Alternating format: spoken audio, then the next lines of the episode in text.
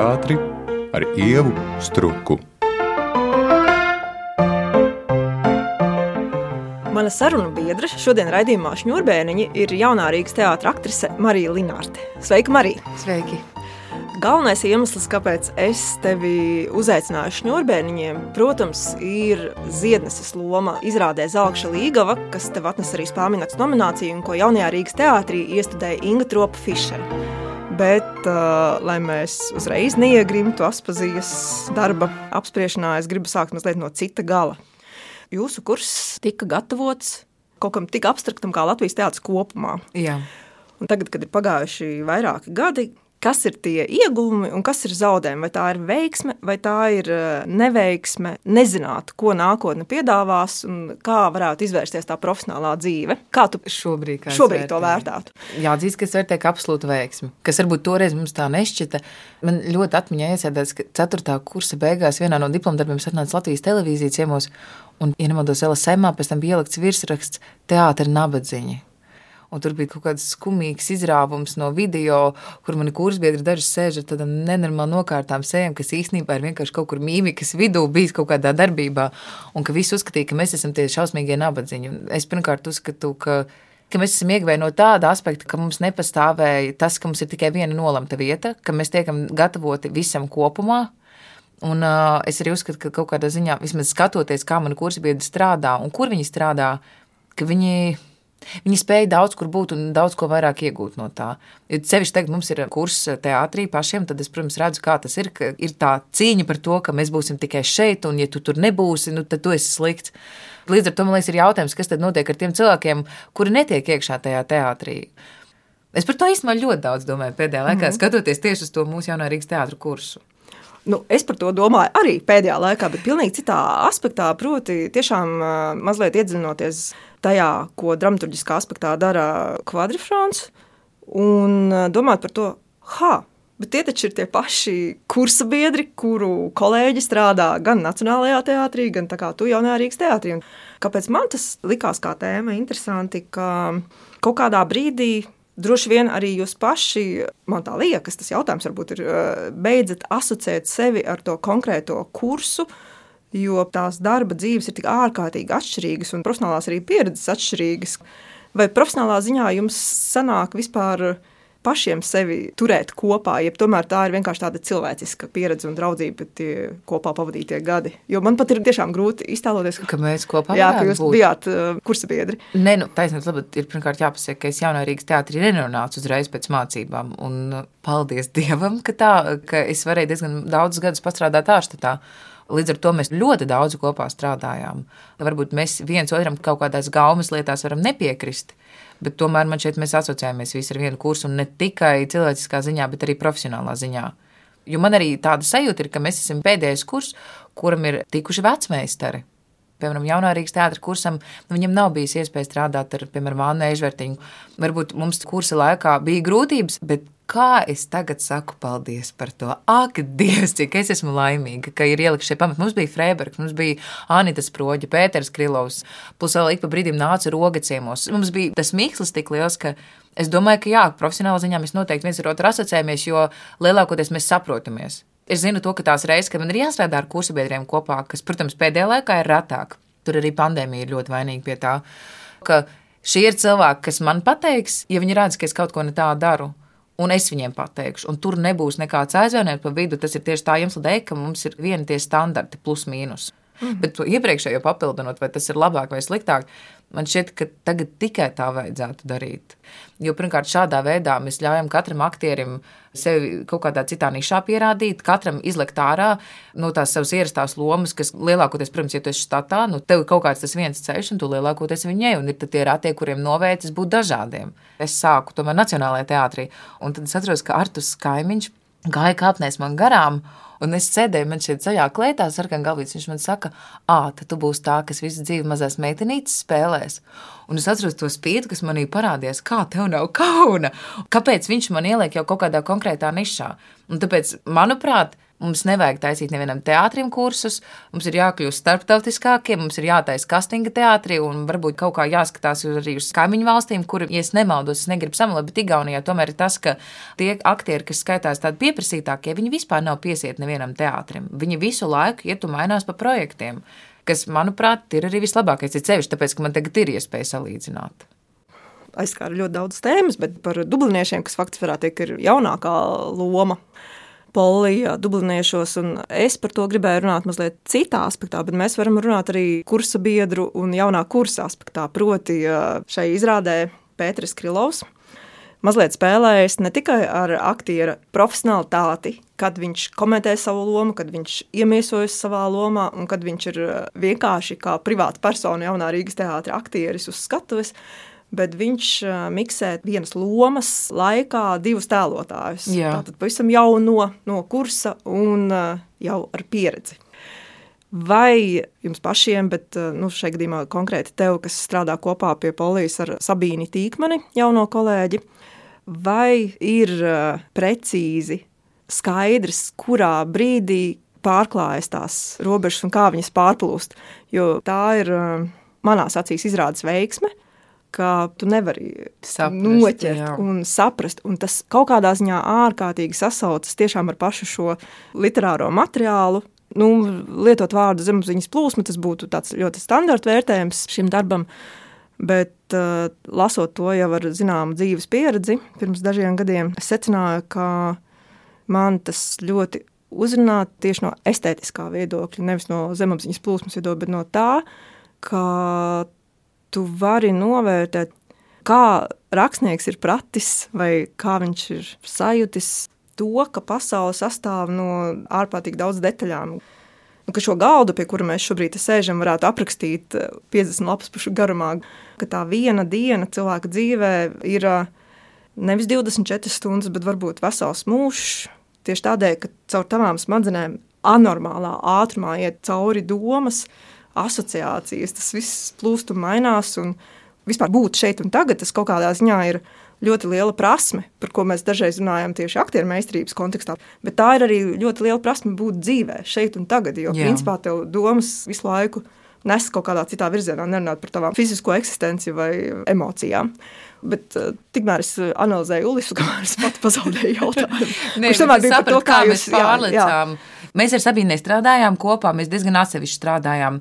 Es centos skatīties, un cik es zinu, Sabīna arī mēģināja nākt uz maniem mēģinājumiem, lai kaut kādas līdzības atrastu. Bet, uh, Man pašai jāsaka, godīgi, man tur ļoti daudz kā vēl nesaprast, tieši izrādes kontekstā, nesaprast un neatklāt. Un es pati turpinu visu laiku meklēt un nu, cerēt, ka kaut kādas vēl āķīt varēšu atrasties, kā aizāķēties.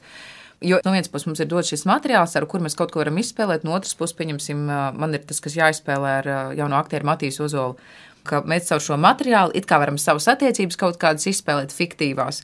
Man šķiet, ka tur arī tā robeža kaut kur zūd, ka viņš nekad līdz galam nesapratīs, kur Polija viņam atbild kā Polija vai kur atbild kā Marija jau, un atkal es līdz galam nesapratīšu, vai tas ir Stefans, kas runā, vai kā cits saka Stīvens, un es jau vairs nezinu, kā nu ir pareizi. Šis ir lielākais strīds. Šobrīd es tajā neiejaukšos. Vienkārši tāds galvenais varonis. Bet šis konkrētais darbs, šī izrāde man šķiet, ir domāta tieši studentiem. Nevis tādā ziņā, ka citi kaut ko nevar iegūt, bet es personīgi, un tādā vispozitīvākajā ziņā, es jūtos ļoti funkcionāli. Man šķiet, ka mēs visi esam tā tādi pakāpieniņi studentiem, lai viņi no tā studenta līmeņa jau aiziet uz tādu, kur viņi jau pretendē būt autonomi aktieri bez tiem palīdzības ratiņiem, vai kas tas ir, ko vēl spēdam, lai kā aizmugurē. Un tas ir tas, kā es šo darbu sev redzēju. Jo man vienkārši ir grūti melot. Pat caur šeit, kur neviens neredzēs manu seju.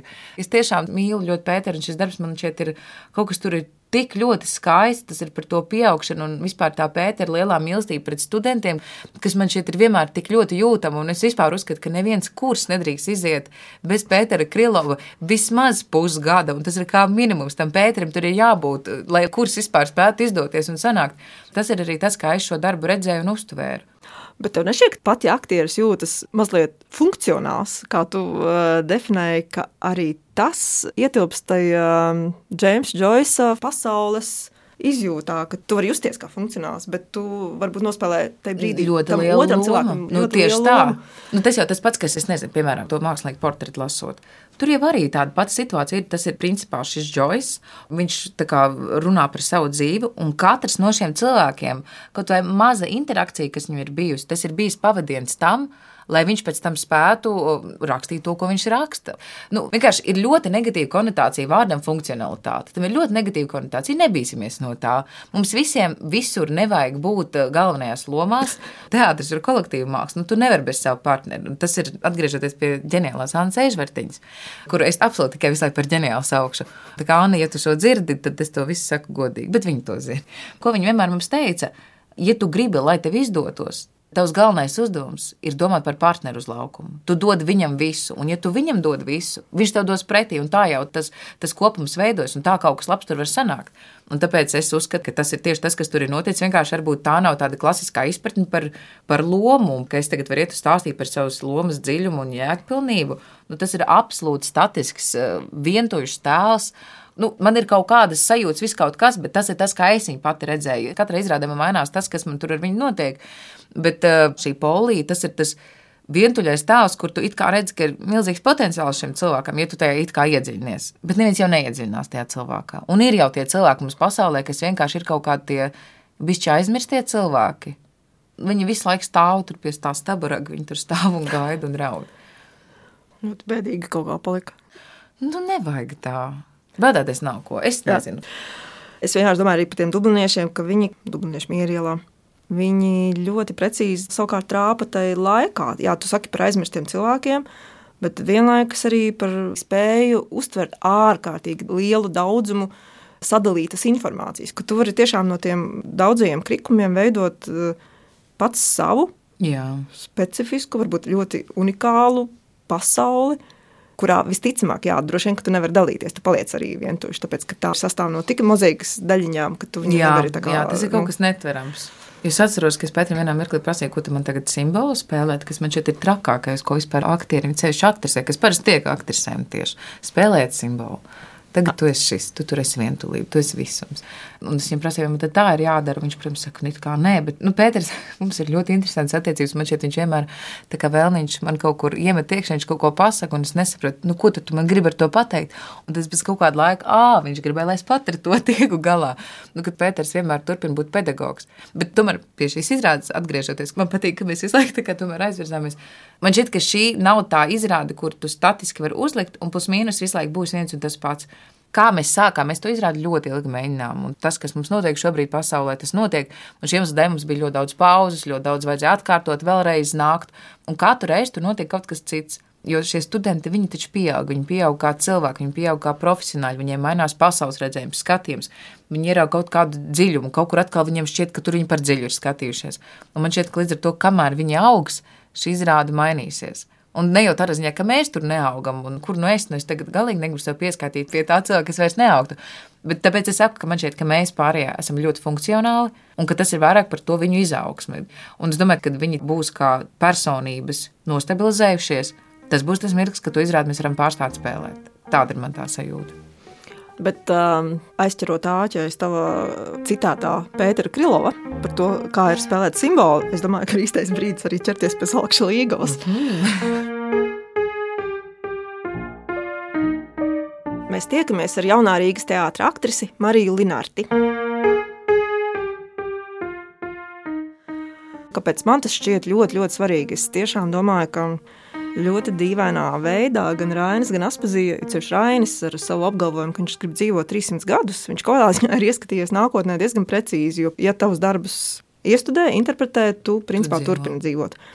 Un tas pats ir noticis, un ar jaunu vērienu notiek ar Aspaziju. Un eh, man par to patiesībā ir gan pārsteigums, gan prieks, jo tas kaut kādā veidā kompensē to, ka viņai jutās Rāņa ēnā. Tomēr diezgan daudzus gadus un ilgi. Un te kaut kādā veidā notiek šī neparastā renaissance, un turklāt Kur tādā viņi kļūst svarīgāki. Jā, es nevaru šodien vēl pateikt, vai svarīgākā, bet viņa kļūst svarīga. Un uh, ar viņas darbiem strādā nu, relatīvi jauni, bet tomēr jauni ir režisori un režisori sievietes. Un tas man šķiet ir jauns virziens, par kuru ir vērts domāt arī plašāk nekā tikai vienas izrādes varbūt kontekstā. Bet runāt konkrēti par tevi, no vienas puses man tas šķiet kā klasisks iniciācijas stāsts. Jaunas meitenes, pieaugšana, kļūšana par sievieti. No otras puses, tas ir stāsts par bailēm no nezināmā un no kaut kādas svešas, nesaprotamas, mistiskas pasaules. Un, ja mēs to vienu varētu saukt par tādu racionālu, skaidru, saprotamu stāstu, jo ik viens cilvēks piedzīvo iniciāciju, vienalga, agri vai vēl kādā brīdī tam ir jāiziet cauri, tad otrs, šī saskare ar nezināmo, varētu tikt nosaukt par sastapšanos ar iracionālo pasauli. Un tad mans jautājums, kā tevī, kā aktrisē, sadzīvo šīs abas puses šai izrādē, starp racionālo un iracionālo? Kā tev pašai liekas, kas ir tava stiprā puse? Ne, nu, es to pirmkārt īsti nedalu kā racionālo un iracionālo. Tas ir pirmkārt, man liekas, kas ir jāpiebilst uzreiz. Līdz ar to man šeit man nav tāda dalījuma, tur runāt par to, kas ir stiprā vai cita puse. Jo man pēdējā laikā ir bijis daudz jāpārdomā par Aspaziju un Raini. Es biju ļoti interesantā lekcijā, kur es neesmu simtprocentīgi tajā vēl iedziļinājusies līdz galam. Bet ir tāda lieta kā elektrības filozofija. Latvijā, piemēram, Blāmans arī ir bijis no šiem pārstāvjiem. Raina visi asociē kā dramaturgu, kā rakstnieku, bet Rainis ir bijis filozofs. Un es kāpēc šo viņa pusi visi grib aizmirst. Un es vienkārši tagad esmu metusies tajā pētniecībā iekšā. Es neesmu vēl tikusi līdz kaut kādam finišam, es tikai tos materiālus mēģinu kaut kādus ievākt. Man bija ļoti interesanta lekcija pie pasniedzēja Kamoliņa. Un viņš tieši arī runāja par to, ka skatoties, kā iestudēja sevišķi Rāņa darbus, ja tu pievērsies šim faktam, tad tu saproti to, ka tur nav runa par kaut kādu iracionalitāti vai poētismu.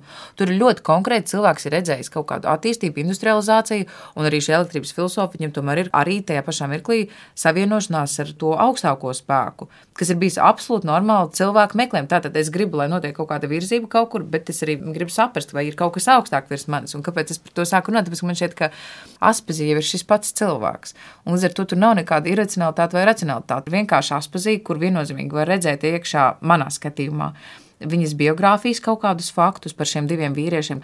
Ja kāds zinās par viņas biogrāfiju, tad tur to var redzēt, un tajā nevajag iedziļināties. Jo mums noteikti klausīsies tie, kas arī zina šīs lietas. Tas ir pirmām kārtām, un otrām kārtām tas man šeit arī ir bijis par, par sievietes emancipāciju, par sievietes atbrīvošanos, ka sieviete pati iet un izvēlas, ko viņa grib darīt. Es jau to arī biju kaut kad teikusi, kā ziednese ir sieviete, kurai ir ļoti, ļoti daudz instrumentu iedot. Viņai ir ļoti daudz, ko viņa var darīt. Viņai vienkārši nav pareizā vieta, kur šos savus darba rīkus izmantot. Un tas ir arī viss.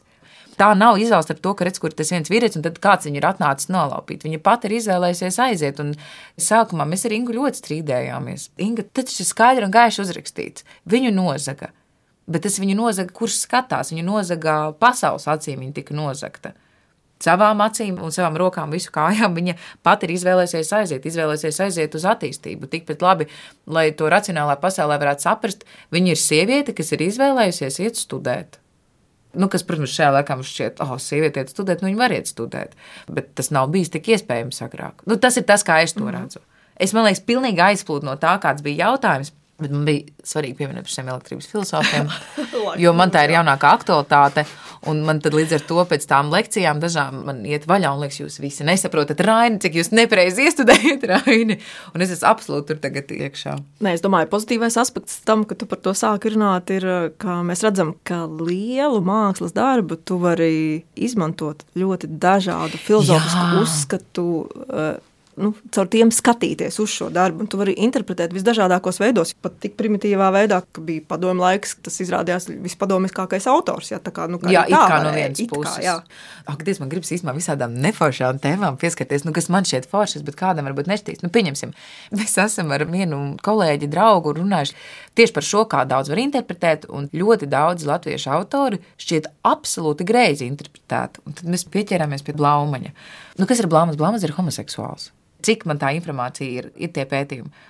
Un ja mēs ņemam vērā to, kas ir šis autors, tad uh, skrudardienas cilmečos, kurus mēs tagad asociējam tikai ar to, ka mēs tagad iesim līgot Jāņos, un tas ir tas, kas mūs ielīgo, nu, tur Jāņi, tas ir kaut kāds fons vispār, tur tas stāsts ir par absolūti kaut ko citu, un varbūt, ka, piemēram, mēs kaut vai šo ļoti svarīgo detaļu mēs ņemtu vērā un pārstāt ignorēt tad uh, man šeit arī šo darbu mēs ieraudzītu absolūti citā dziļumā. Jo, tā, kad mēs mācījāmies, mums tika teikts, nu, tās lomas, kur neviens nekad negrib spēlēt, ka tas so Aleksis, absolūti nenospēlējama loma un tā tālāk.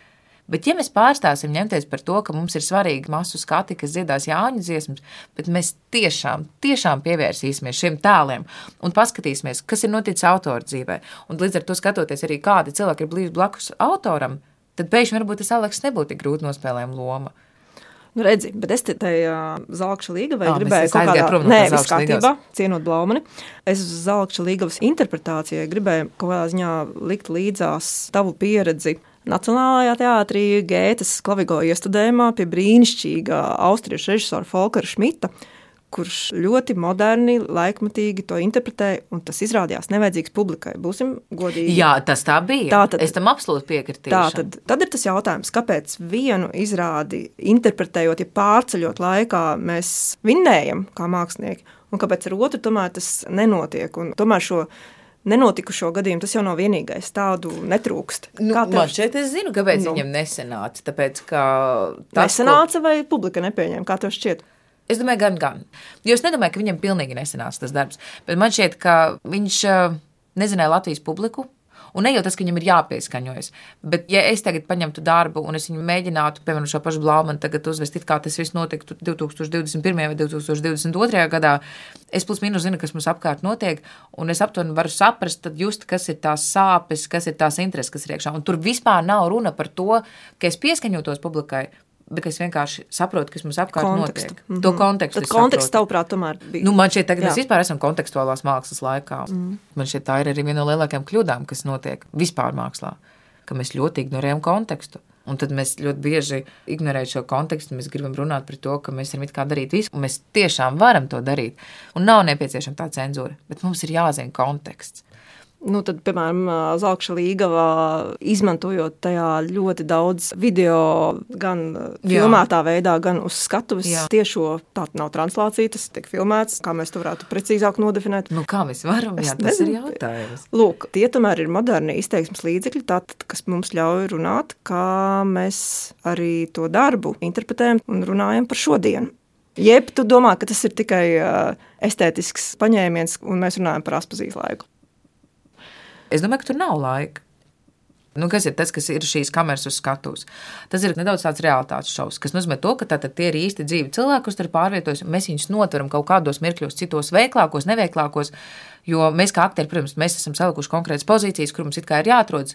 Mēs varam darīt, ko mēs gribam, cilvēciskas lietas notiek, un līdz ar to tas arī uz laukumu iedod tādu brīvību, tādu nedaudz neveiklību, kas manā skatījumā ir vieglāk identificēties ar šiem varoņiem. Man personīgi tas šķiet.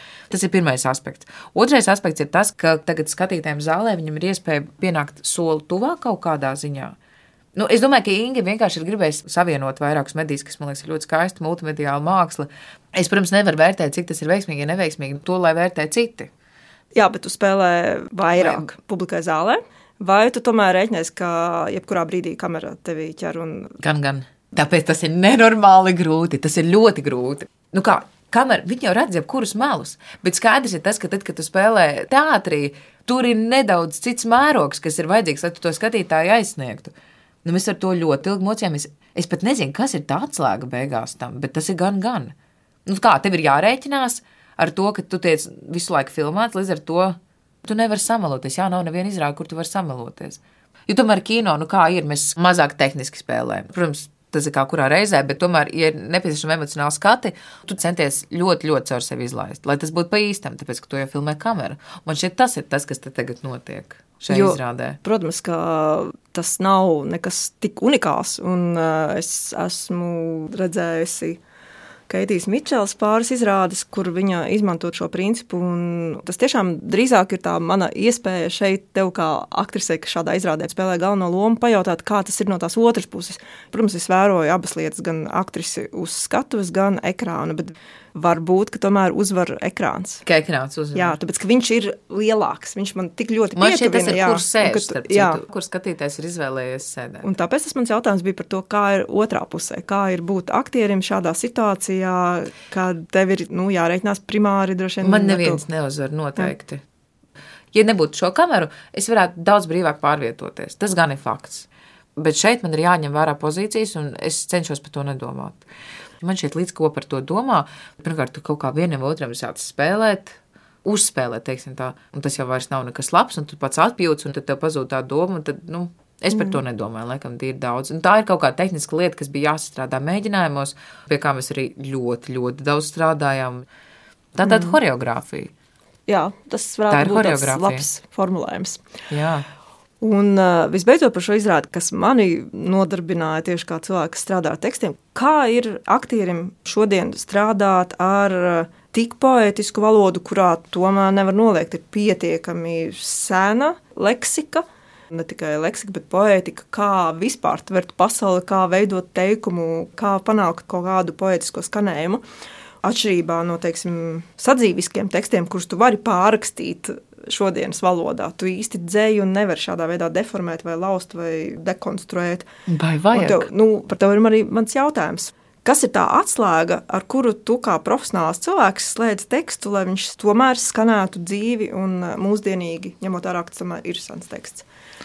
Man šķiet, neviens īsti nav komentējis, vai man ir izdevies ar to tikt galā. Nu, laikam jau ir, ja jau tomēr tā atzinība par to lomu ir tikusi.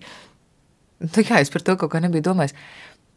Man teātrī ir ļoti daudzi dzīslis meistari, bet es kaut kā to redzu ļoti citādi. Mm, kā Aina Matīs kaut kad pateica, viņa trešajā vai otrajā kursā man teica, ka dzēju tu nedrīkst runāt nekad, ja tu nesaproti katru vārdu, ko tu saki.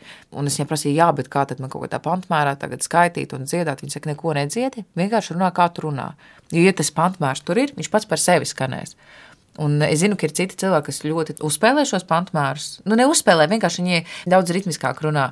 Es tiešām gāju pēc Ainas Matīsas metodas tam visam klāt. Man tas tiešām strādā. Man ir jāsaprot vārds, man ir jāsaprot kopējā doma, gan uh, kopējā teikuma doma, gan uh, panta doma un vispār visa kopējā, piemēram, ainas vai dzējoļa doma. Jo, ja man ir problēmas ar to autoru tekstu, es vienmēr saviem vārdiem uzrakstu paralēli, lai man ir kaut kas apakšā, tā es daru. Jo, ja ir poetisks teksts, vēl tu esi poetisks domās, Tad kas tur labs var sanākt? Jā, ja disonancē tieši ir. Ja viens ir poetisks, tad tev ir jābūt realismā maksimālākajā. Nu, tagad es jokojos, bet tiešām es tā kā paralēli rakstīju tekstiem ar saviem vārdiem, kas ir tas, kas tur ir domāts. Man Vils ļoti daudz palīdzēja, Vils daudziņš. Mēs ar Ingu mēģinājām, ļoti, ļoti daudz sēdējām un vienkārši gājām cauri tekstiem, līdz mēs pavisam saprotam, kas ar to ir domāts. Un man šķiet, tā ir tā atslēga. Ne, nu, droši vien jau ka aktierim arī daudz nekas cits neatliek, lai tā precizitāte ar kādu tu domu ved uz priekšu, ceļš tas dramaturgisks materiāls dzējā, lai tas būtu saprotams ne tikai tev pašai, bet arī skatītājiem zālē, bet tajā pašā laikā, protams, man gribas piebilst, ka es domāju, ka neviens dzēnieks līdz galam pats nesaprot. Nezina, vai viņš ir domājis to vai kaut ko citu. Tā var kaut, būt. Kaut bet galvenais, ka es zinu, ko es gribu pateikt. Tas jau mm -hmm. ir tas būtiskākais. Nu, piemēram, arī par šo zelta līgavu. Katrs šo materiālu uz to citādi skatās. Ļoti daudziem man šeit bija pretenzija par to, kā Inga izvēlēsies to skatīties. Ka viņa ir salauzusi. Kaut gan man personīgi šķita, ka Inga ir pirmā, kas uz to materiālu skatījās pēc tā būtības, ņemot vērā, tomēr, kas ir aspazīja. Un aspazīja ir absolūti poetiska būtne, un mēs nedrīkstam to ignorēt. Un pēkšņi viņi pataisīja par realistu, un ka tagad būsim burta kalpi. Bet uh, katram ir sava interpretācija. Galvenais, ka mēs visi izrādes ietvaros, visa komanda kopā ar režisoru, mēs esam uz vienu viļņu ko tas autors ir domājis. Tas ir, protams, jārespektē, bet nu, kā mēs varam zināt precīzi, kas tas ir bijis? Es zinu tikai vienu lietu. Es neesmu dziedāšanas fans tieši dzējas virzienā, kā dzēju izrunāt. Jā, varbūt tur ir tas mans realisms. Starp citu, man liekas, tā bija viena no pirmajām recenzijām. Sarkangalvītā man pārmetā pārlieku lielu realismu. ka es esmu pārāk nopietna, bet es domāju, es no tā neatteikšu.